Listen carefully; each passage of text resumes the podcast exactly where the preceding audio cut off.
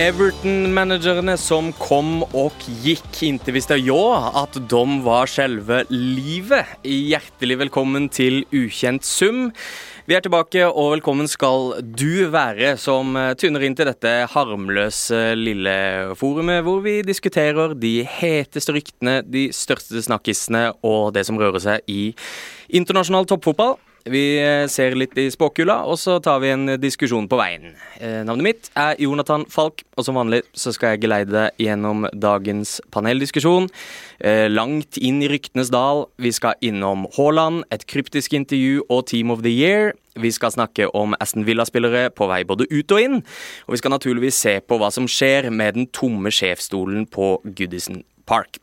Som vanlig så har jeg fast følge ved min side. Velkommen, sportsjournalist og serialkommentator i VG-sporten, Mats Arntzen. Hei. Halla.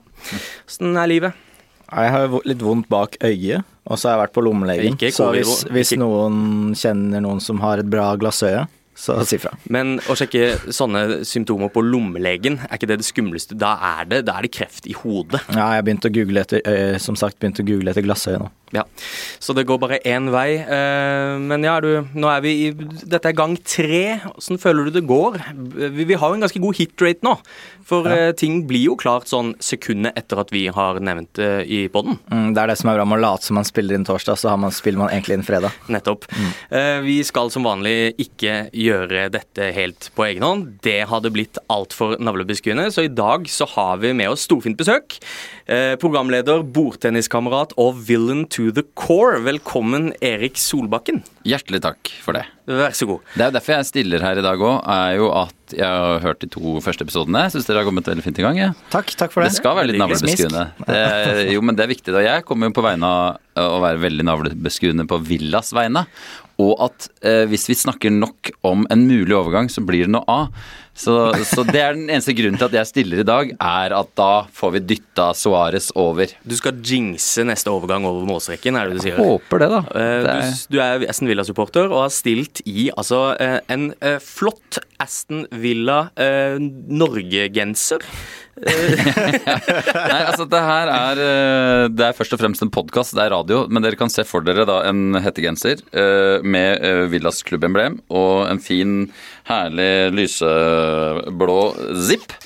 Men i tillegg så har da supporterklubben Det her er en gave som alle supportere som betaler medlemsavgift i Villa. Og det er sånn Vi betaler 200 kroner i året og får helt sinnssyke fine medlemsgaver. Så vi fikk genser i år tilsendt eh, Altså det koster jo egentlig bare i porto 200 kroner. Men så er det da Norgeflagget på, på høyre skulder. Jeg lurer på om det Det var i hvert fall veldig inn. En, men nå føles det litt Norge for nordmenn, kanskje bitte litt. Ja. Men det er jo den norske villaklubben. Du er på en måte en balaklava og et årsmøte i en kjeller unna å være på PSTs radar. ja, det kan og et være. logo på brystet mindre, kanskje. Men så redder jeg meg inn heldigvis med på ryggen så hadde de også plass til eh, trykk. Eh, og der står det Norway Lions. ja, det hjelper ikke det heller. Norway Lions, det høres jo også litt sånn uh, De patruljerer på kveldstid et eller annet Men det skal Norway jo si Defense Lions. Ja, det skal jo sies da, Erik, at disse, disse milde blåfargene i Villas uttrykk, de hjelper de, altså de spiller jo på ditt lag. Ja, eh, gjør jo det hele Det etterlatte inntrykket blir litt snillere med babyblått på, på Du har ikke sett en skinhead med babyblått før? Nei, du har ikke det. eh, men Aston Villa, ja. Åssen havner man i den gryta? Det er kort fortalt fadder på barneskole. Altså du begynner på en, et skolesystem etter barnehage, og så er det fadderen som sier 'jeg heier på Aston Villa, det må du også gjøre'. Sånn gjør vi i Hemsedal. Uh, så jeg fikk egentlig tildelt både fadder og favorittlag i en seksårsalder. Og ser meg aldri tilbake etter det. Men har jo Jeg, har, jeg, har grå, jeg, husk, jeg gråt ikke mye som barn, men jeg kan huske at jeg har grått flere ganger av uh, å være Villa-fan. Da var det jo, I gode gamle dager så var det jo uh, tippekampen, hvor det kanskje var én eller to ganger i året det var en Villa-kamp. Resten av tida så måtte du vente på plinget. Og det å få et pling servert i det 89. med litt sånn Southampton uh, tok ledelsen 2-1 det, altså det var nervepirrende, men det var også forferdelig dramatisk. Så, så, jeg kan huske at jeg har grått flere ganger til Villa-tap. Og så har vi fått, uh, vi har fått uh, innspill vi har, vi har, egentlig blitt bedt om å be deg fortelle om en spesiell opplevelse knytta til Aston Villa. Uh, og Mer enn det vil jeg ikke si. Jeg overlater ordet til deg. Fint. Er det en tid skal vi tease det inn, eller er det Jon Carew-historien? Det er Jon Carew-historien, ja. Nei, det er jo så enkelt som det kanskje det største som har skjedd meg i livet trekk fra litt familiære greier. Men det var jo, jeg var jo så heldig og fikk være tredje fotograf i en eh, dokumentar som ble laget om Jon Carew. Eh, bilder som aldri ble brukt fordi de var for shaky, sa de etterpå. Men jeg fikk være med til Villa Park. Er det den hvor han sitter og spiser middag med Stylian Petrov? Og, Riktig. Ja. Det er kameraet til Jon Carew passa jeg på, men det var auto. Så, men jeg bare ja. passet på at det var rekk. Så jeg satt og altså, Det var jo den beste middagen jeg har vært på. Sitte og se legenden Stilan Petrov spise med Jon, og hver gang vi tok en pause, så kom det en liten røverhistorie attåt. så det var, vi skulle gjerne lagd en spin-off. Men eh, Jon var jo megagrei. Og eh, da jeg sto og filma eh, Holt End, som da er Villas eh, hardcore hjemmefans, og det er altså tribunen Dere har jo vært på mange fotballstadioner, men akkurat Villa Park har de har liksom tenkt først og fremst på Holt End-fansen. Det er en helt sinnssyk tribune. Stadion er kjempefin, men akkurat å stå foran Holden er bare sånn, det er så megamassivt. Det er så mange Snakk om skinheads som ikke går i babyblått, men der, det, der står de, på en måte. Um, og i pausa da, i en ganske kjedelig kamp mellom Villa Fulham, så skal da Jon Carew eh, inn på banen og takke for seg og alt. Og det gjør han. Alle fansa står der ute. Og så er han så grei at han legger til And you have to give a big applaud to the biggest Villa fan in Norway after me. Så bare hører jeg det på stadion. Og så sier han sånn he's the, he's the guy standing in front of you with the blue cap. Og så ser jeg plutselig bare eh, Og det er jo da ja, Hvor mange er det da? Det er jo 17 500 mennesker som bare wow, ser på meg. Og jeg står og rister med det kameraet som jeg veit er av. Er det derfor det, for det ikke ble brukt? Det var shaky.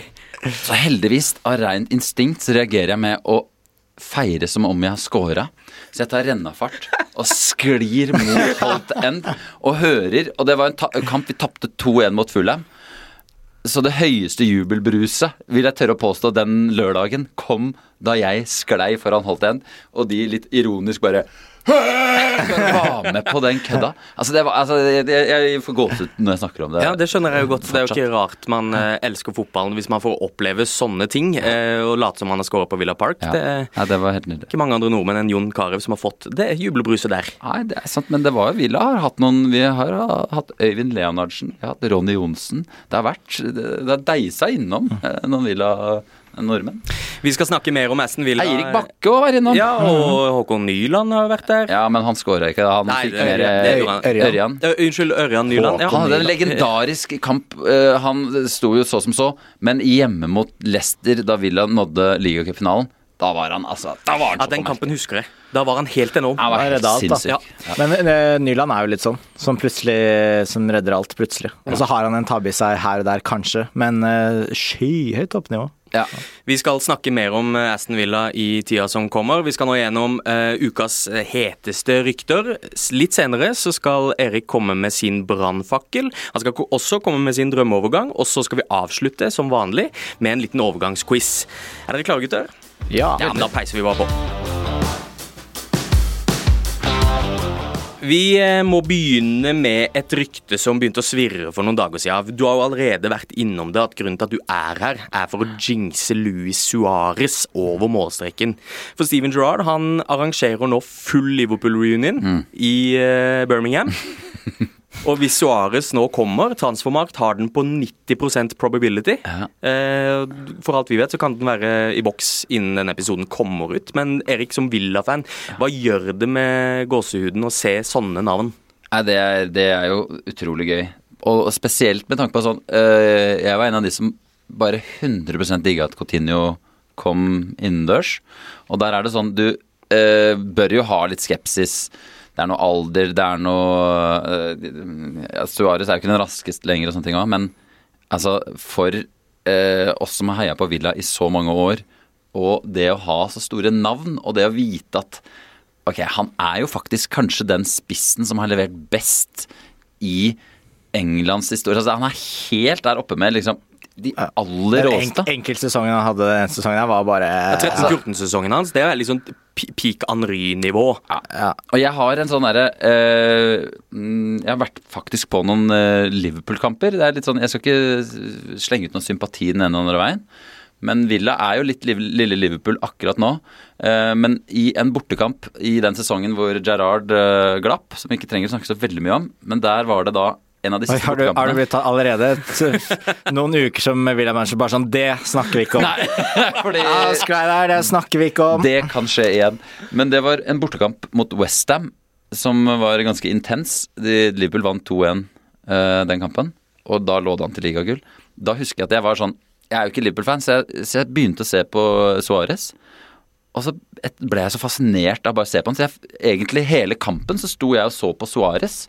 Og hvordan han jobber, det var bare helt sinnssykt imponerende. Mm. For han er jo på en måte øh, Han er en fyr som tar alle de snarveiene som er mulig å ta. Så er det en eller annen gang han biter og litt sånn der. Det, ja, der, der, også får du noe attåt. Du får en liten sånn deilig kryddermiks, men er sånn, han bruker det temperamentet sitt. Og han er så eksplosiv, og selv om han ikke er liksom den raskeste spissen, du ser jo det på veldig raske spisser. De kan bare gå på veldig rare løp og ikke få det til. Men Luis Suárez får det til. Så hvis Villa klarer nå å få han innendørs, så er det sånn Så vil jeg si at det er en tre ganger så god signering som Danny Ings, som etter min mening har skuffa bitte litt. Ja, men også har han har jo vært veldig god i Atletico òg. Eh, det var litt sånn at Barcelona slapp han var sånn Det var nok litt av økonomiske årsaker og litt ja. sånne ting, og ikke fordi han ikke var bra nok, fordi han har jo holdt koken så det ljomer. Ja. Men så er det også litt sånn Det er den ene delen, det er fotballfaglige, men den andre delen er litt sånn du veit du ikke har hatt noe sjans på noen damer, og så blir du 17 år, og så klarer du plutselig å kline med ei over deg,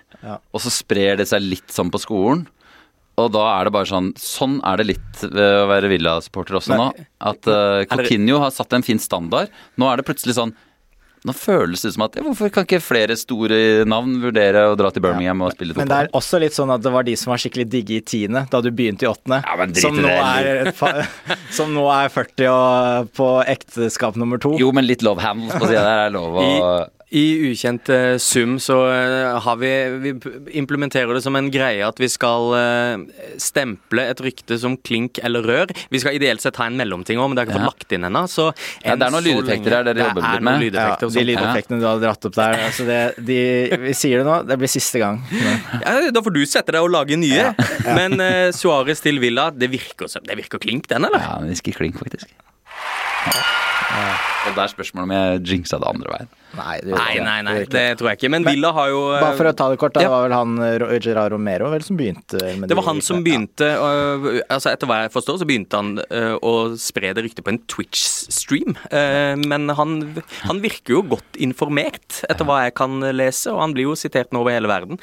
Om det er bare ryktenes onde natur, eller om det er noe i det, det tiden vil vise. Men mm som sagt, nå er det flere og flere ting som peker den retninga. Men uh, vi er ikke helt ferdig med Villa ennå. De er jo blant de klubbene som har gjort mest så langt i januar. Ja. Ser jo ut som et ganske annet lag enn de gjorde før jul. Uh, de har henta ny venstreback. Luca Ding fra Everton. Og det òg var sånn Hva skjedde der? Det er ja. sånn, Du er jo ganske tålmodig, du er en tralt, og du følger med på mye greier og rykter, og så bygger det seg opp over flere år kanskje, og så til slutt så klarer man å hente den spilleren. Men der var det sånn Hva skjedde med Lucas Ding? For, for treng, trengte Aston Villa ny venstreback, eller var det litt sånn Ja, hvis du byr, så tar vi han, vi. Det er nok en kombinasjon, men eh, det var jo Altså, Matt Target blei jo kåra til eh, Altså, spillerne spiller eh, i fjor. Og det er ikke, da, vi, da er det ikke på damefronten, for han har fortsatt tannregulering og litt sånn.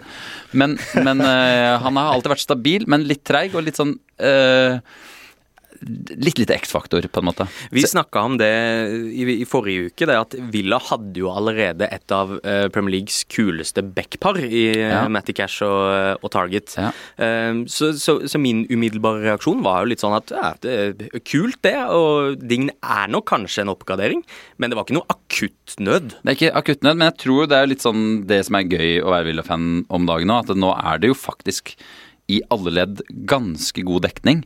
Altså Du har sånn Du kan alltid få bedre stoppere, du kan alltid få bedre uh, komponere en midtbane. Men du har jo på en måte en av de, til tross for en tabbe i helga, en av de beste keeperne i ligaen. Du har eh, altså landslagsstoppere eh, og en midtbane som til og med United driver og sikler på. Og noen av de mest Og Ollie Watkins, som er en helt fantastisk god spiller. Hvor, hvor, hvor styrka syns du Villa ser ut nå, Mats? etter at de har henta Ja, vi var inne på det. Coutinho, Dign, Robin Olsen kom. Uh, keeperen. Uh, hvordan ser Villa i januar ut kontra Villa desember? Eh, bedre. Eh, var inne på altså med venstrebekken. Altså, hvem som helst kunne jo sett bra ut med Grealish og Watkins på sin side. Det er jo bare å løpe framover. Det er ingen som følger med på deg da. Her kommer Matt, Matt Target, liksom. Da, jeg, når Grealish går innover og Watkins skal stikke en annen vei og litt sånn. Og det som er Matt Target, nå er jo han linka til Newcastle, så det kan jo fort bli Det kan jo skje. Eh, men han var jo da hadde en kjempegod fjorårssesong, men hadde en helt sinnssyk ræva førsteomgang mot Watford. Som om han har hatt en sånn kjempesommerferie. Som ødela litt for sånn herre Nei, ok, han er ikke stabil. Og en, til en sånn spiller som er sånn arbeidssliteren, som ikke bør gjøre så mange feil, så var det en liten sånn ok. Til Villas neste steg, litt der som Dean Smith var sånn Alle var egentlig litt happy med at ok, nå kan, selv om han er en local lad og hele pakka, nå har han gjort sitt, fått Villa opp til et sånn ellevteplassnivå. ellevteplassnivå. Neste nivå for Villas del da er ikke med target, dessverre. De, jeg, de gjorde jo bra i, i sommervinduet, da. Buendia inn, som mm. begynner jo å vise hvor god han er et par ganger. Altså, han er så gøy å se på at ja. det er helt nydelig. Hvordan han vender bort folk og trer gjennom. Ja, det er sånn. artist. Sånn. Ja, eh, Og så hadde vi også Danny Ings, som er den mest eh, diskré fotballovergangen jeg kan huske. Ja, den kom... var nevnt ett sted. Jeg tror Hvis du søkte på Ings Aston Villa ja. før den var i boks, så tror jeg ikke du fant Altså det var ikke mulig å oppdrive på Kanskje inne på en eller annen Reddit-link der man finner liksom eller... Ja, det er de som jobber i Villa. Nei, det var, det var ingen. Ja, men det var ingen. Det var, sånn, det var sånn de annonserte det. var ha-ha, we fooled you All everyone! Det var helt rått. Det er spillere på, på, si, på, vei ut, men det er jo allerede noen som er bekrefta ut. Uh, Anwar El Ghazi. Uh, ja. Han har gått andre veien, for han er nå Everton-spiller. På lån, riktignok. Ja, en veldig, dessverre en altfor egoistisk god fotballspiller, uh, som har gjort fine ting i Villa. Han skøyt jo det ene målet som førte oss opp i, fra championship. Men jeg tror for Everton-fans der ute Det er dessverre ikke en kjempesignering. Han kommer til å komme inn og kommer til å skyte over en lav sko. Mm. Er, så, så, det er bare gode tider i vente for Goodison Park. Ja, eh, Aksel Tuansebe, United-spilleren som har vært, i, har vært, på lån i Villa de tre siste sesongene nå. Eh, han forsvant ut. Eh, mm. noe overraskende, men kanskje, kanskje finnes det en forklaring på det. Broren hans mener jo at Gerard ikke ville bruke ham fordi han var leid av United. Og siden Gerard liker Liverpool, så ville han da da, det gikk ikke. Men det er jo litt koselig at han at broren liksom ja, er, ut. Jeg har ikke hørt om broren. Det, det høres litt ut som en sånn barneskoleunnskyldning. Broren min 100. Ja, men jeg liker det. Jeg har, uh, broren min gjorde en gang Det er noe av det feteste han har gjort. Uh, da Dagbladet en gang trykte på forsida uh, Jeg hadde en liten barne-TV-episode med noe sadfuck og greier. da ringte han Dagbladet. Premiere på setning. Det var, det var noe, jeg, var, var noe opp, negativ oppslag. Da tok uh, broren min grep, ringte redaktøren i Dagbladet. For jeg fikk en telefon senere på dagen som var sånn Ja, hei, du. Og så er redaktøren da sånn Du, jeg snakka med en Anders Solbakken. Uh, og da skjønte jeg allerede Ok, han har ringt redaktøren, han. Og skjelt! Skjelt ut! Og jeg elsker det. er det storebror? Det er lillebror også. Lillebror, ja, ja. Og det er, det er, rørende. Ja, det er helt nydelig. Så, og han ringte ikke meg. Han var, var sånn, Jeg hadde snakka med han og var bare sånn ja, Dette er ikke holdbart. Nei, Og var irritert på en journalist og sånne ting som han sier til familie. Men du tenker ikke at familien tar grep. Men han gjorde det. Han tok, han tok var sånn mafioso og var bare sånn Jeg skal ringe Gi meg redaktøren! Skjelte ut, og det var deilig. Var og sånn føler jeg med broren til Tuan Seba. Jeg tror ikke Jeg tror jo ikke det var Jeg tror han var lei av litt lite spiltid, og Italia har en eller annen sånn De sikler jo på de der britiske stopperne. Og, ja, det har vist seg det. Ja, og det funker jo det for noen. Vi eh, var så vidt innom Everton, og vi skal snakke mer om de nå. For det, eh, det å selge Luca Ding til en direkte konkurrent, det var vel ca. alt Rafael Benitez rakk å gjøre i den jobben. Ja. Uh, han er nå den syvende manageren eh, Everton har hatt på seks år, eh, inkludert caretakere. og Eh, dette hørte jeg på en, eh, på en eh, The Athletic-podkast, tror jeg. At hvis du går inn i squaden til Everton nå, så er det altså spillere som er henta av syv forskjellige managere. Hva, er, hva, er, det som er galt på Goodison Park? Mats? Ja, ja, kanskje det er urettferdig å selge med caretakerne, men allikevel er det sånn at de kvitta seg med sportsdirektør i desember som ikke gadd med fordi Benitez skulle ha inn ditt og datt, og så blir, kvitter de seg med Ding fordi han har falt ut med Benitez, og så er det egentlig et norsk ord, eller kommer anglopolitiet og tar meg? Hva da? Falt ut med F uh, Nei, du nei, Videre i programmet. Det, det, det videre i programmet. Ja. Uh, og så får Benitez sparken rett etterpå.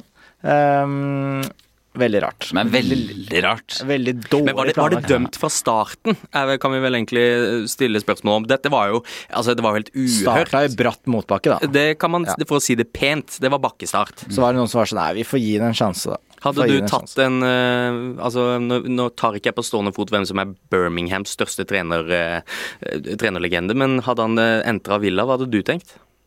Nei, altså Det har jo skjedd. For det var Alex, Alex McLeish. Ja, Er det han, liksom? Men han er jo et, var jo en sånn utrolig kjedelig signering. Han er sånn derre uh, Ja, hvis, hvis, du hadde blitt forlatt uh, av kona di, så hadde det vært sånn Av alle mennesker det hadde vært greit, så Alex McLeish er sånn Ok, null følelse, driter i det.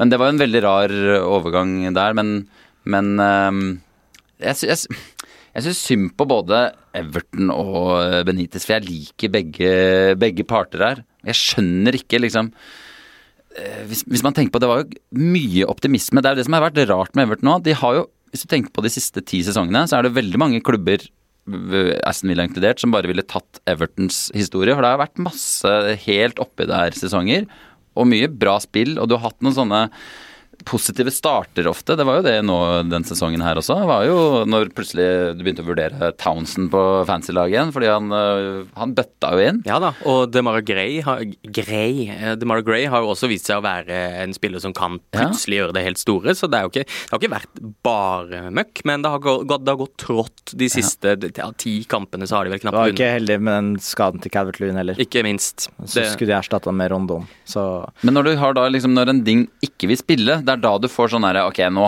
nå, har det bikka for Benitez. Kjenner jeg på at det er sånn Nå er de så lei av De kunne liksom leve med litt dårlig på overgangsmarkedet, gjorde det beste ut av det i starten. Og så bare mister alle sånn kollektivt troa, og det er, det er, det mest deprimerende for en fotballsport. Man bruker liksom noen stoppere som ikke skal spille back, og som i hvert fall ikke skal spille wingback, så blir det litt sånn, ja og nå er jo Godfrey og litt sånn skal ikke spille fly oppover venstresida. Den største diskusjonen i eh, Kanskje ikke den største, men en av de største diskusjonene i England er jo nå hvem tar over Everton. Eh, og det er jo, man får jo ikke ståpels av noen av navnene. Det, er, eh, man, altså det første som kom opp, var jo selvfølgelig José Mourinho. Fordi det er jo ingen som vet om andre managere enn José Mourinho. Men så har du Rooney, altså Loch Lad, som trekkes opp av hatten. Frank Lampard er vel kanskje den som uh, nevnes hyppigst nå. Og så har du uh, Martinez, uh, som, som forlot i sånn 2013. Nei, og Belgia ville ikke la han ta begge deler, tror jeg. og Martinez og Everton var ikke noen sånn solskinnshistorie forrige gang heller, så det er litt rart at de skal kjøre den igjen. Men jeg så sånn Venn-diagram hvor det var snakk om Lampard, så var det sånn klubber som er for bra for Lampard, Manchester United og Liverpool og Chelsea og de storklubbene. Så er det klubber Lampard er for god for, eller mener han selv er for god for. Så er det klubber som er for smarte til å hente Lampard. Så er det sånn bitte lite hull i midten. Everton og Newcastle. det er klubbene som faktisk kunne gått på den, ja. Men det, det høres jo riktig ut, det. Eh, så hvis vi skal, hvis vi skal spå litt, da, Mats. Hvem er neste, neste Everton-manager? Skal vi si Lampard, da? Ja. Hva, hva, tror du? Ja, jeg tror det er øh, Jeg tror ikke de går tør å gå for Rooney. Han har i hvert fall hendene fulle i Derby om dagen. For der han gjør det ganske bra da, ut fra forutsetningene, ja. føler jeg. Men det hjelper jo ikke når det, de ikke har penger og må rykke ned og bli trukket poeng. det er vel store, det store ankepunktet her, at de ble trukket såpass mange poeng at de fremdeles ligger an til å, til å rykke ned. Ja. Uh, men um, hvis han ikke hadde blitt trukket de poengene, så hadde vel, hadde vel Derby ligget ganske greit an, tror jeg. Mm. Det blir jo Duncan Ferguson ut nå, så får vi se om han beholder den, eller om ikke, Jeg tror det er, det er, helt i det åpne nå. Men ja. Rooney, kanskje. Så sier Rooney, da. Men det er litt sånn rart, fordi jeg føler både Everton og United har et sånn langsiktighetsproblem, da. Og hvordan gjør man da en ansettelse? Og Duncan er helt åpenbart Han kommer jo 100% sikkert ikke til å være Everton-manager om ett år. Du ser det på hele typen. Med mindre de har sparka neste manager Ja, og, kanskje det. Ja, sånn hvis du treffer akkurat på merket. Men det er jo der, for en klubb som Everton, hadde det vært gøy å liksom fått inn noe noe helt annet. Mm. Det er jo, Jeg husker Villa var linka til han eh, danske landslagstreneren, f.eks. Mm. Nydelig type. Altså, Nå sier jeg ikke at de vil, men det er sånn og ikke for å bli altfor navlebeskuende, men det er jo, det fins jo trenere til og med i vårt eget land som klarer å få Bodø-Glimt til å skinne, liksom. Så det er sånn Det kan hende at den, den der britiske modellen ikke funker nå for Så, Så Kjetil Sum Nei, Kjetil Knutsen Kjetil Knutsen er neste ja. Everton-manager. Eh, men eh, ja, vi kan gå videre fra Everton og eh, gleder oss til å se. De møter jo Villa til helga. Ja, det er det som er dritt, fordi det er jo alltid sånn når Duncan tar over, det gjør han jo en gang i året, så knepper han på seg hvit skjorta, så står han og brøler, og så får de den der drittseieren i starten. Så jeg syns det her var elendig tidspunkt å sparke Benitez på. Manchester United har begynt å røre på seg, de også. Der har det skjedd saker og ting. At de er ute etter defensiv midtbanespiller, eller i hvert fall sentral midtbanespiller, det er en dårlig skjult hemmelighet. Og nå mener bl.a. Daily Mail at United forbereder en, eh, et eh, Hva heter det for noe? At eh, et move på John McGinn, Aston Villa-spiller. Eh, det er nok ikke snakk om en overgang nå i januar, men at det muligens kan skje noe nå til sommeren. Hva slags type er John McInn? Han er den typen du først plukker med på et lag. Som er sånn uh, Alle kommentatorer sier at den krummer nakken. Og de gangene du hører sånne kommentatorer som sier ja, krummer nakken, og så ser du ikke det fysisk, men på John McInn så ser du at når han går inn for et løp og krummer nakken, så er han, han er som en terrier. Ja, men jeg syns jo, altså jeg synes jo han, Det ser ut som han er født med krum nakke. At han alltid er Ja, ja, sånn. altså, Det er det- et hode på skuldre. Nei, så han er eh, Han tror jeg hadde vært en eh, Han har også vært, link, han har vært linka til United før. Det er jo alltid sånn med skotske spillere som gjør det bra. Så, sitter en Ferguson eh, der og har tydeligvis vært beundret av han lenge. Han blei jo kåra til den beste skotske spilleren. Ikke at det er noe Jeg vet ikke om det hvor stort det er, men han er, en, par, han er en fantastisk god spiller. Og jeg tror nok at han kunne spasert inn i en hvilken som helst toppklubb. Oi! Han, han er jo kraftig da, og veldig sånn skyter som en hest og har hoftene til Kim Kardashian. Ja, Så- og så er han altså det, det er, er det ikke sånn for alle toppklubber òg, at når det går butter litt, sånn som Liverpool òg, har jo ikke alltid eh, Det er mange ganger man blir frustrert på Henderson og Keita og den gjengen der. Det er akkurat der, på den frustrerende midtbanedelen, som uh, McGinn bare Og for Uniteds del Herregud, hvor god hadde ikke McGinn vært for United? Ville han løst et problem der, Mats? Altså, hvem som helst eh, hadde løst problemet der, akkurat som de slipper jo til så ekstremt med sjanser og sliter med å kontrollere eh, banespillet i det hele tatt, da, så det er litt sånn er Men det- sånn- men det er sånn Men han er, mener han er en permanentløsning, eller er det sånn gaffateip-løsning? en 100% permanent løsning. Altså, uh, John McGinn er en av de mest undervurderte spillerne i ligaen. Det sier jeg litt som Villa-supporter, og som har sett hver kamp han. Men det, han er sånn uh, Sånn som Fred, for eksempel, som uh, nå hadde en veldig fin Fin pasning, en fin eh, assist, som han ofte har. Og i en løpet av en kamp så kan du liksom gå fra å være frustrert til at Og så får han gjøre noe bra. Eh, McGinn gjør stort sett aldri noe slurv bakover. Og så har han de øyeblikka hvor han klinker den i krøsset og, og scorer og herjer. Så, så den stabiliteten bak, da. Det er den følelsen du har av Fred som er sånn Nå er han sliten og slapp, og hvis han kommer til å gjøre noe nå, så får han rødt kort. Den har du aldri på McGinn. Du, du har jo noen av de spillerne hvor du, hvor du tenker at hadde vi fremdeles vært i Ferguson-æraen, så hadde han vært United-spiller. Harry Kane er en litt sånn spiller. At uh, Hvis han hadde sittet ved roret ennå, så hadde vedkommende vært United-spiller. McInn, litt sånn type spiller, eller? Ja, kanskje, som hadde passa inn og gjort, uh, gjort en jobb. Uh, de andre som nevnes, er jo da Dennis Zakaria fra Mönchengladbach og Amadou Haidara fra Leipzig. Leipzig ja, han, Haidara har visst en utkjøpsklausul på 40 mil til sommeren, så det skjer nok ikke i januar. Men Zakarias kontrakt går ut til sommeren, og så får vi se da om Bayern eller noe sånt kommer og snatcher. Jeg er helt sikker på at alle er linka til uh, Mr. Zakariassen. og så er det Bizuma, da, som er Villa også er Ja, til. han som- også er jo uh... Men, men uh, McGinn er en fetere type enn Bizuma altså.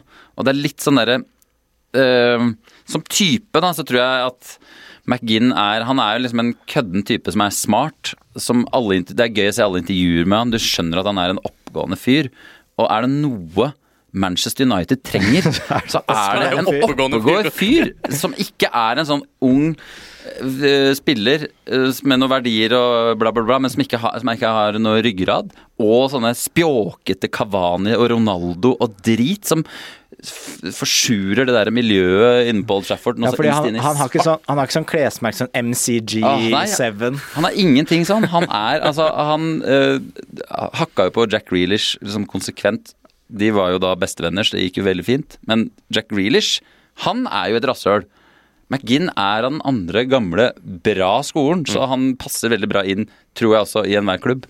Ja, Får vi se hva som skjer. Det virker i hvert fall ikke som om det, det hender nå i januar, men utover sommeren, kanskje. Det, det skjer andre ting i Manchester United. Eh, Telegraph mener eh, Donny van de Beek har sagt nei til Newcastle. At han ikke ønsker å dra til et lag som kjemper i nedrykkssumpa. Så det betyr jo da at han blir værende på, på benken i Manchester United. Eh, trenger ikke å bruke fryktelig lang tid på det, men ja. det er nå det de siste Newcastle-ryktene sier. Og så sier Ragnhild at Martial nekta å spille, og Martial sier at det gjorde jeg ikke, litt sånn, så ja. Han har vel også sagt at Pogba er en av de som på en måte spiller uh, for fremtida, enten det blir her eh, Nå husker jeg det sitatet ja, riktig nå. Han, han, sa at eh, Pogba, han var forberedt på at Pogba ville spille for fremtiden sin enten her eller andre steder. Ja.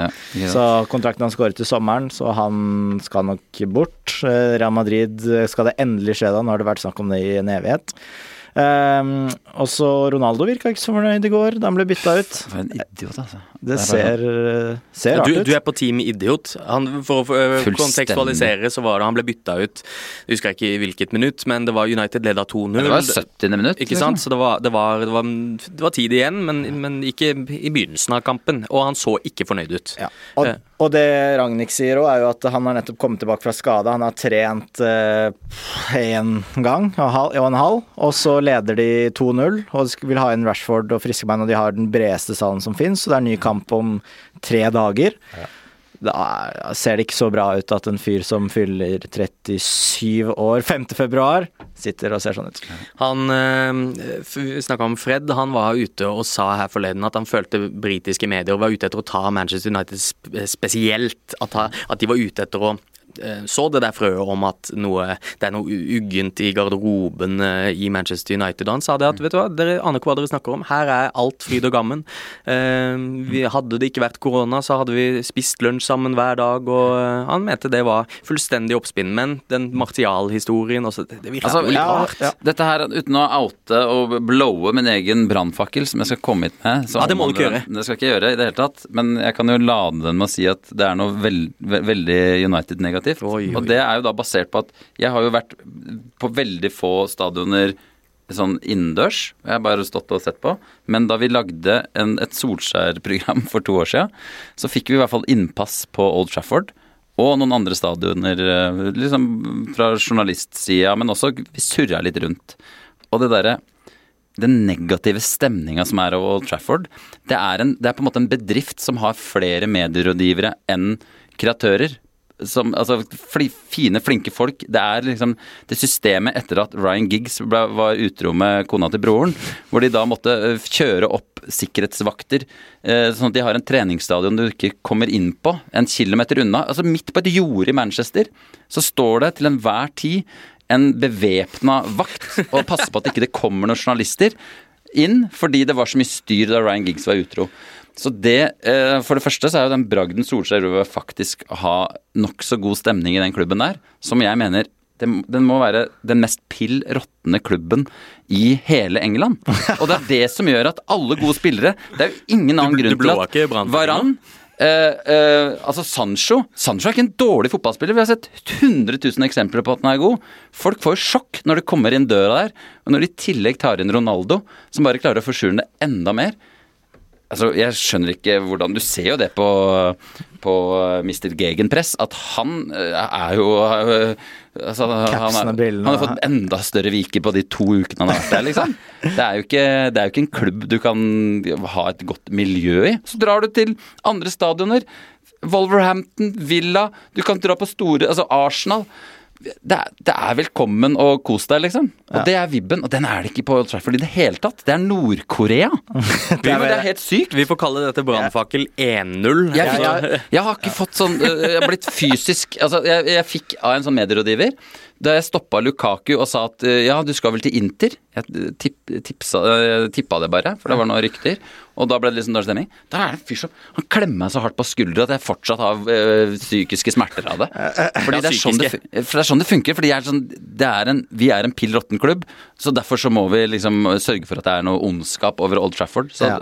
Og vi har jo Jeg har stått utenfor Carrington der selv, og du, du, det føler deg langt unna. Og så er det i tillegg Det som er gøy, er at det er en sånn bonde der som er dritforbanna. Så hvis du går inn litt over på feil og prøver å titte litt, så kommer han og skjeller deg ut. Eh, fordi de er jo ute på Han er sikkert irritert seg over at det henger journalister utenfor deg hver dag. Jo, men Ryan Giggs slår sikkert med kona hans òg, ikke sant? det er sånn det er. Vi får unna Men, men uh, i tillegg så Altså, Ronaldo vet jo hva han gjør da når eh, det blir sett av så mange, og jeg er veldig spent på hva som skjer nå med United. Eh, Ragnhild skal være midlertidig trener ut sesongen. Han skal ha en uh, rådgiverrolle også etter det. Og han har også sagt kan hende jeg bare blir manager selv, hvis det er det beste løsningen. Hvis de ikke får tak i noen andre som er gode. Men det virker som de har tenkt å begynne å tenke litt langsiktig der. Eh, og hvis de klarer å bygge klubb, også det er jo det Ragnhild kan. Eh, han er god til å finne de rette folka, sette de riktige roller. Eh, så om det er mulig i Manchester United også, da. Ja. Men det er med de eierne så er det sånn Det er det som er synd Jeg syns synd på United-supporterne. En ting er at Old Trafford faktisk begynner å råtne fysisk, men det er jo flere grønngule skjerf, og stemninga er jo ikke spesielt god. Har det ikke vært på lenge, og hvordan skal man da få til uh, Uh, Leicester-magi i den klubben der? I don't know. Vi må flytte oss eh, videre for en stakket stund. Det høres ut som vi kommer tilbake til Manchester United seinere. Så stick with us. Uh, vi må snakke litt om Haaland. Uh, ikke bare fordi han er kanskje det heteste overgangsobjektet i verden, men han har gjort et intervju med Jan Åge Fjørtoft i Viasat. Så sa Haaland at han følte klubben pressa på for å få han til å ta en beslutning om hvor fremtida hans ligger. Klubben kontra for noen dager siden med å si at det er bullshit, og da brukte de ordet bullshit. Vi har ikke lagt noe press på Haaland. Hva leser vi ut av alt det her, Mats? Nei, Det er jo for det første gøy at vi har en 21 år gammel verdensstjerne som er involvert i sånn fotballstorpolitikk. Det er jo interessant. Og så var det jo et veldig interessant intervju. Det man kanskje savna fra det intervjuet, var at, eh, et spørsmål om hvorfor nå, på en måte. Hvorfor, ja, for timinga. Eh. Og på uttalelsen også, som er sånn så, såpass. Men det er jo umulig å vite for oss hva som er sannheten. Men det vi vet, er jo hvordan internasjonal fotball og disse overgangene fungerer. Real Madrid, Barcelona, eh, Manchester City er vel de som nevnes mest nå, og kanskje spesielt Real Madrid og Manchester City. Og det vet man, så får man, får man jo bare se, men det er jo klart at eh, Raiola eh, og co. Eh, vet jo hva de driver med, de også. Det lukter jo Vi har jo sett dette før fra Raiola-spillere. At, at, de går ut mot klubbene sine. Og, og, så sitter man og lurer litt på kommer dette fra din munn, eller sitter mm. det en puppetmaster bak? Uh, det er jo en oppskrift. altså Jeg tipper at det er jo er, øh, jeg tror ikke det bare glipper ut av han. Det er ganske sånn strategisk i løpet av januar. Han kommer ikke til å bli solgt i januarvinduet uansett, for han er liksom for stor spiller at det skjer. Men hvis du skal ha en sånn sommersaga, så trenger du å fyre opp litt i januar. Og det veit jo alle vi som heier på sånn medium pluss-klubber, er at øh, Jack Reelish òg, så var det sånn Det kommer noen kilder i januar som sier en venn som sier at han har lyst til å spille under Guardiola og sånne ting. Og det er jo ikke tilfeldig at sånne ting skjer heller, for da planter du det frøet som gjør at fans, klubb, alle liksom begynner sakte, men sikkert å bli klare for at ok Jeg tror ikke, jeg tror ikke Haaland og agenten og hele pakka og far Haaland og sånn vil at han skal være i Dortmund til høsten.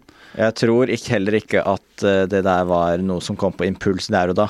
Det føltes uh, I hvert fall det er, virker å være inntrykket blant de fleste som jeg har som har sett intervjuet og reagert på det i internasjonale medier. sånn at det føltes ut som det var et budskap de hadde lyst til å formidle. Da. Eh, og så må man huske, som vi var innom i en pod tidligere, at eh, Haaland og co. har jo egentlig ikke noe å tjene på å gå nå i januar. Fordi det betyr at den klausulen ikke er aktivert, og at det der blir mindre penger å bruke på det teamet da, når man ser Når man vet hvilke summer Ayola har tatt for overganger før, og hva som snakkes om nå, så tror jeg at de vil, de vil på en måte see it out eh, i januar. Og ha alle kort på henne til sommeren. Siste bragd eh, Haaland, eh, siste fjæra han har i hatten, det er å havne på Team of the Year, Fifa Team of the Year, i godt selskap. Der var både Ronaldo og Messi og Lewandowski og det som ja, kan krype og gå, så det går jo greit. lag. Det går jo greit om dagen. Eneste som irriterte meg, er at de til og med der så klarte de ikke å, unmute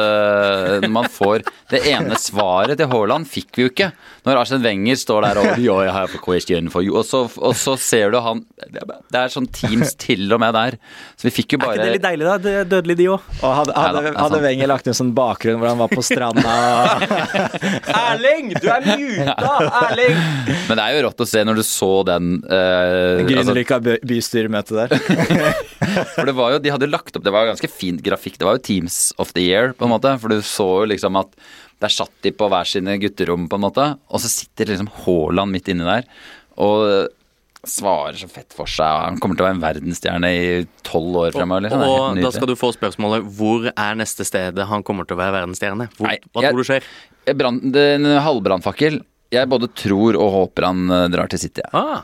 Jeg tror jeg bare, ja, jeg gjør det litt. For jeg vet at Villa får jo aldri Haaland. Men jeg har lyst til Og så er det sånn, ja, da blir de suverene og sånn, men jeg har så lyst til han i Premier League, da.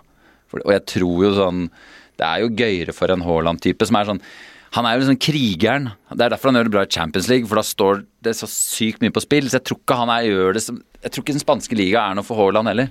Nei, litt sånn varme altså, og pina coladas på fredagene, og så kan du skåre to mål. Ja, også det som er med spansk fotball, er jo at det er veldig mye lavere tempo. Og det betyr ikke at det er dårligere, men det betyr at det er, det er flere pasninger, det er mer ja. kontrollert. Lagene ligger ofte Uh, altså De ligger litt annerledes, i hvert fall i noen av de store kampene. Så kan ja. det være litt mer lukka enn uh, en det er. Altså Det er ikke som om lag kommer til å Det kommer ikke til å bølge masse fram og tilbake i Manchester City sine kamper heller. Nei. Men uh, ja, det er noe annerledes der. Mm. Men jeg er mest spent på økonomien. Jeg har også Mbappé og Haaland til samme klubb. Hvor bra vil det passe? Barcelona er jo ikke når det er veggen. Mm. Så det er fortsatt Jeg står på City. Hva tror dere? Ja, dere er på City? Ja, ja. Um, jeg tror uh jeg, jeg, kommer nok til å ende på Real Madrid. Ja. ja. Men uh, det er som Mats sier, altså Mbappé skal jo inn i dette, i dette puslespillet. Og um, nei, det er ikke godt mm. å si. Uh, vi forlater Brautoget for denne gang. Vi kommer nok tilbake dit. det tror jeg. ved en senere anledning. Det hadde vært rart å ha den podkasten her. Og norsk podkast Ja, det hadde vært veldig spesielt. Det var litt kult òg. Ja da. Nei, vi er all aboard the Haaland train, ikke tenk på det. Vi, vi får runde av med en litt sånn koselig greie, tenker jeg. For nå har det vært mye agg og aggresjon, så jeg tenker at ja, jeg fyra litt på United. Du fyrer litt på United, så jeg tenkte nå skal vi rense lufta med det ja. som jeg syns er det, det mest wholeheartly eh, ryktet om dagen, og det er at Christian Eriksen skal ha fått, eh, ifølge The Athletic, et kontraktstilbud fra eh, for nesten kalle det danske Brentford. Ja. Som er da på en seks måneders avtale med ø, opsjon på fornyelse. Ja, Å se Christian Eriksen tilbake i Premier League, det hadde varma hjertet, Mats. Eh, absolutt. Eh, jeg så for, noen som skrev på Twitter at Thomas Frank han har spilt i minst fire-fem danske TV-serier, han eh, Brentford-manageren. Ja, han ser litt sånn ut, ja. ja. Og nå er det jo full fest der med masse dansker, så det er virkelig veldig hyggelig å være der. Og da, da skjønner jeg at de tar inn Eriksen i tillegg. Eneste er de der kvelds... Jeg har bare sett noen av de kveldskampene som har vært helt rå, og så tapte jo Villa nå en sånn ettermiddagskamp. Den der andreomgangen virker litt sånn Du bør ha et sterkt hjerte for å For det er intenst og spennende. Mm. Så jeg håper jo at det her blir en uh, suksesshistorie, og tror jo det òg. Det er jo et fett ja, lag. Og, en... og, noe av forhistorien er jo at uh, Serie A tillater jo ikke spillere å spille med pacemaker. Ja. Uh, så han må jo rett og slett Jeg vet ikke hvorfor. Det er de og et annet land også som, som har det sånn. så han ble jo egentlig han ble jo i teorien løslatt fra kontrakten i Inter, da. Ja, de har jo kjørt litt sånn norsk idrettspandemipolitikk. Bare sånn ja, men bare arranger eventer, bare gjør det. Bare ikke her. Samfunnssatire i ukjent sum. Gjør det et annet sted. Nei da. Men, uh, men, i hvert fall det er derfor eh, altså, er, Så Erisera sier jo bare at jeg skjønner ikke hva som hjelper med den regelen, på en måte. At de ja. ikke får spille der. Men, uh, men det virker sånn helt seriøst, det virker som den beste klubben å dra til. Fordi når du har liksom en Du har et dansk hode og hjerte. Han virker jo som Det er jo den mest sympatiske uh, treneren som er. Og det er ganske mange fete, gode danske spillere, så for landslaget som eh, skal spille litt Qatar-moro og sånne ting, så er jo det kjempegøy. Å ha den lille Danmark som er på med Nørgaard og gjengen som uh, Så Eriksen tilbake til Premier League. Er det klink, eller er det rør? Det er klink. Vi kjører klink. Deilig. Da håper vi å se Christian Eriksen tilbake i Premier League. Jeg tror vi lukker ryktesekken for eh, denne gang. Nå skal vi nemlig videre til eh, ja, det vi allerede har fått en forsmak på. Nå skal vi høre Eriks brannfakkel.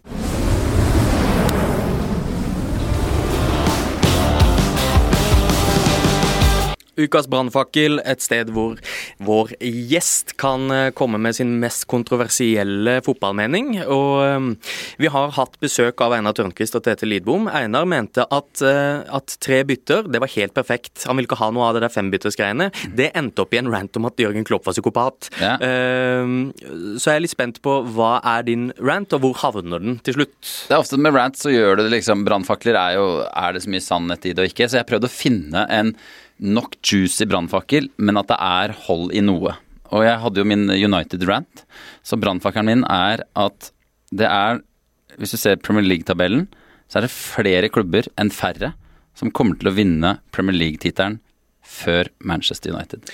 Ok. Uh, så det vil si det er ti lag på lista før United kommer til å. Det er, det, er basert på, det er basert på to ting. Ja. Eh, det ene er at det er fem lag som er sterkere enn United. Eh, sånn på papiret, og som vi kan sitte og diskutere faglig. Eh, men så har du da fire-fem klubber som eh, bare på bakgrunn av en sånn Leicester-effekt, og hvordan Hvis du tenker på det forsura, råtne miljøet United, så er det sånn det, det skal litt ekstra til for en toppklubb å være på toppen. Og det tror jeg, for United så er det en sånn Det er en sinnssykt stor oppgave. Så så lenge de eierne er der og de kjører det opplegget, så blir det maks andre- og tredjeplasser, men ligagull. Dere må vente til dere blir pensjonerte, mine sønner. Men er de ti? ja, det var det jeg skulle si. For noen av disse klubbene sier jo seg sjøl vi, vi, må nevne noen av de mindre åpenbare. De topp tre der, tror jeg, altså Manchester City, Liverpool og Chelsea, de antar jeg at du har med. Så ser jeg dine, Erik. Ja. Nei, altså Tottenham vil jo helt åpenbart vinne pga. den fete stadion. Eh, og Conte? Eh, eh, Allerede neste år, da, eller? Ja. ja. Eh, Aston Villa har større sannsynlighet for å vinne Premier League før uh...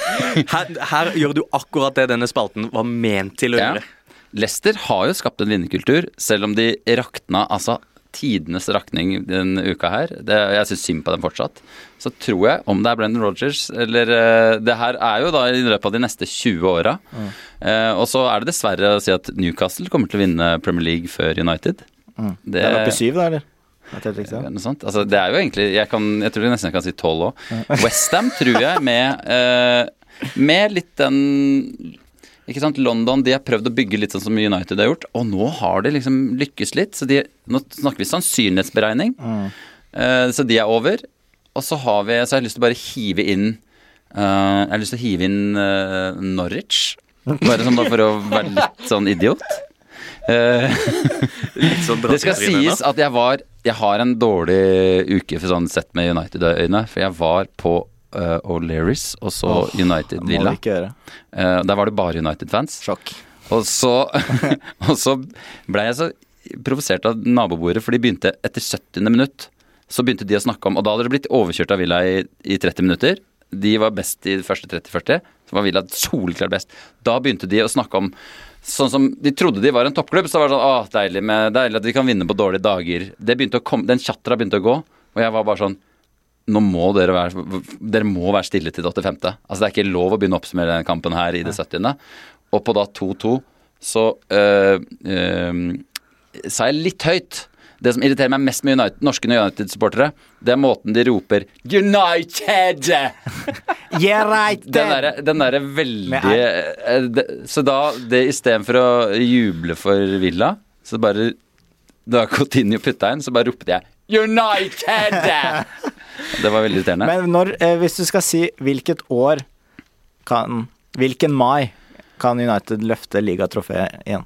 Jeg tror i hvert fall ikke det skjer på, på 20 år. Nei, oh, ja, ok. Ja. Så det, jeg, vil ha, jeg, vil ha, et årstall. Nei, jeg vil Hvis jeg skal sånn pistol mot tinningen, så tipper jeg 2052.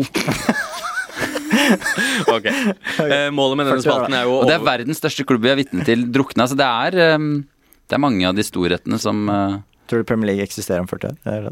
Kan hende. Det, det håper jeg. Altså. For målet med spalten er jo at brannfakkel Altså, det, målet er jo at du på en måte skal overbevise om at du har rett. Ja. Mats, føler du deg overbevist? Ja, ja, ti hørtes voldsomt ut. Ja, ti? Prøv 20. ja.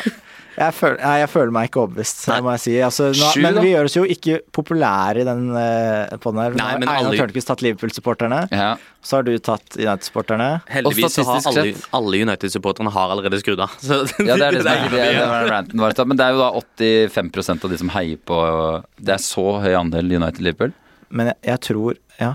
Ja, jeg tror det er 85% eller noe, tror du ikke? Men hvis dere skulle øh, sagt hvor mange lag vinner øh, ligaen før United, hva ville dere sagt? Uff. Um, Tre. nei, det, det er jo tror bare det er de tre foran. Det er jo tre, kanskje, på en uh, Money talks. fire. Ja, man skulle tro det. Eh, så eh, jeg er nok ikke helt overbevist, det heller, men jeg Villa, da? Tror dere Villa ikke vinner ligaen før United?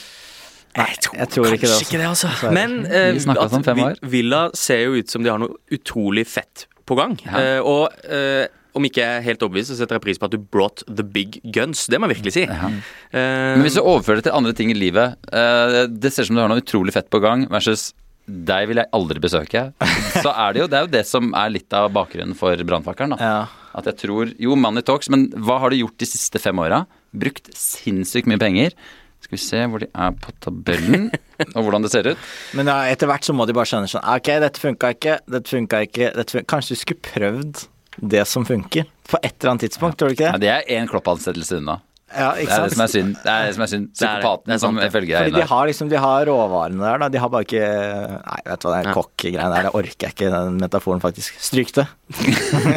Stryk det fra eh, protokollen. Men eh, nei, Erik, dette You understood the assignment. Ja, takk. eh, Veldig mye engelsk til, eh, ja, men jeg, jeg, jeg, Vi utvider også til utenfor Norge. ja, det er det. Dette er bare en sånn sakte begynnelse til å slå igjennom på boller. Boller. Eh, vi skal videre til Eriks drømmeovergang.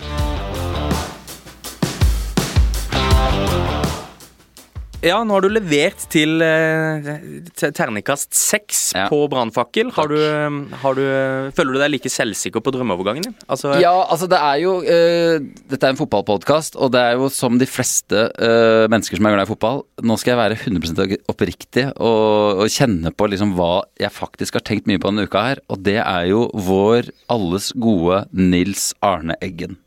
Legenden. Ja. Den nydeligste fyren vi har hatt innafor en eh, gressmatte noen gang. Og hvis du hører på senere enn eh, når det, denne episoden er spilt inn, så gikk jo han bort eh, i går for oss som spiller inn på torsdag. Ja, riktig. Men han har jo ikke kommet tilbake, så det gjelder jo fortsatt. Jo da, det var bare eh, litt kontekst til hvorfor vi snakker om det nå. Det er sant. Eh, Men i alle fall så eh, har- tenkte jeg som så. Jeg tror alle lag i eh, verden på 90-tallet, eh, og det skjedde jo med suksess og plukka Rosenborg-spillere. Alle lag hadde hatt godt av en Rosenborg-spiller. Så min drømmeovergang er altså eh, kanskje den mest undervurderte forsvarsspilleren Norge noen gang har hatt. Erik Hoften, som er Villa-fan. Drømmeovergangen hadde vært i Altså, han vant jo, han vant jo også Nixon-prisen sånn fire-fem ganger på rad i de åra hvor Norge hadde verdens beste forsvarsspillere. Han vant sånn 95-96 Han var alltid den som vant prisen, men som ikke stakk av med noe fame. Drømmeovergangen min ville vært en velfungerende Erik Hoftun drar til sin, sin barndomsklubb nummer to, Og hvilket, Villa. hvilket år, hvilken årgang Nei, der er vi, Erik Hoftun? vi er i Altså, han måtte jo være god et par år, og sånn 97. Ikke sant? Når han begynte å få litt sølvskjær i skjegget, liksom. Ja. Hva syns du om den, Mats? Ja, den er fin. Ja. Den er fin, eh, og eh, jeg tror for i, i engelsk fotball på den tiden, som ballspillende stopper som Hoftun, det hadde vært eh, Det hadde løfta de et par hakk. Fy fader, du har levert i dag, Det er for, Erik. for en tid. Hjertens takk. Hvis jeg kan si noe forsonende til alle United-fans Dere er bare en Nils Arne Eggen-type unna Ja, å få et harmonisk og fint liv. bare. Ja. For de kommer jo hvert eh, De vokser på trær, så eh, Ehm, nå er det tid for å avslutte dette haraballet med en liten overgangsquiz. Så um, hvis dere er klare, gutter, så sier vi bare ikke, ikke klar for det går helt ennå, men uh, ja, vi, vi bruker ett sekund på å senke skuldrene, og så håper vi du som lytter på, eh, er med å gjette.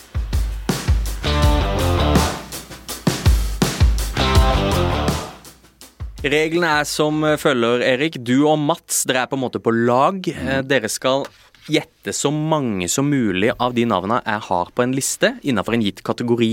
Ja. Og den kategorien er som følger.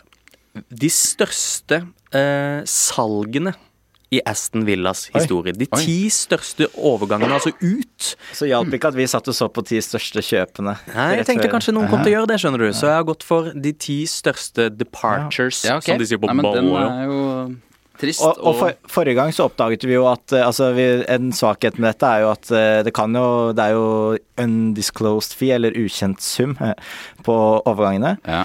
Så det gjør at det er en slags feilmargin, men nå har du valgt å bruke Jeg har gått for uh, transfermarkt, Ja. uh, og vi kommer også til å gjøre det framover. Ja. For vi oppdaga, som du sier, Mats, at fall. Son eh, var liksom ikke på lista over ja, eh, Han var jo ny, da, så det var ikke Men hvis vi hadde blitt snytt for den CCNO-opplevelsen, så hadde det vært det. Det er helt sant. Så uh, er oppgaven forstått, gutter. Ja, den er det. Dere får to minutter Ja. og skal nevne så mange som mulig av okay. de ti Det er blokka fint. øverste. Ja. Det er veldig greit med Grealish på første. Jeg jeg, jeg, klar, ferdig, gå. Grealish på første. Og så har jeg lyst til å bare nevne noen bankers. Benteke er på lista. Stuart Downing er på lista. Uh, Milner, eller? Milner er Nå på lista. har dere tatt topp fire. Ja. Okay. Uh, Milner er på lista, Gareth Barry. Gareth Barry er nummer sju. Ja. Julian Lescott. Han er ikke på lista. Nei, dessverre. Han forslot med skam og null kroner. Uh, eh, Ashley Young. Ashley Young, ja. Eh, Ashley Young er på lista. Han er på sjetteplass. Hvor mange mangler vi da? Tre Dere stykker? mangler en, to Ja, dere mangler, de, ja, dere mangler nummer fem, og så mangler dere de tre Beklager, siste. beklager å nevne, men Adam Johnson. Adam Johnson er ikke på lista. Eh, hvem andre er det som kan på de overgangene som er smerta litt. Det er uh, altså to av de dere mangler. Da skal vi litt tilbake i tid. Sånn rundt tusenårsskiftet. Marlon Harewood. Det er ikke. Hva var det det? Hvem Hvem? satte den? Ian Hart. Det var meg som satte på den. Ian Hart. Ian Hart er ikke Nei, altså, eh, Liverpool har jo kjøpt Liverpool United har jo shoppa Dwight York. Dwight York er helt riktig! Han Ja. er på femteplass. Og så er det Da mangler dere tre. Er Mark Bosnich Ikke Mark Boxic. Åh, på 2000-tallet. det er noe vanskelig her òg. Eh, Liverpool har liksom eh, Hvem er det som kan Agbon Lahore. Nei, han, Nei, han, har han forlot Det er aldri ikke Agbon Agbon Agbon Lahore. uh, Gareth Barry, Downing Er det bare 2000-tallsspillere vi mangler nå? Er det noen nye freske? Dere mangler Hvor eh, lang tid har vi nå? det, To igjen, er ikke sant? Emil Heskey. Ikke Emil Hesky Nei, Dere har tre igjen. Dere tre siste. Eh, kan, nå blir det vanskelig å tale, tror jeg. Prøv å finne ut hvor lang tid dere har igjen. Fabian Delf. Helt Ja! Da mangler dere to. Idris Gay. Ikke Idris Agay. Har han det? Han har Jon 7,5 Carew. million. Nei, ikke han heller.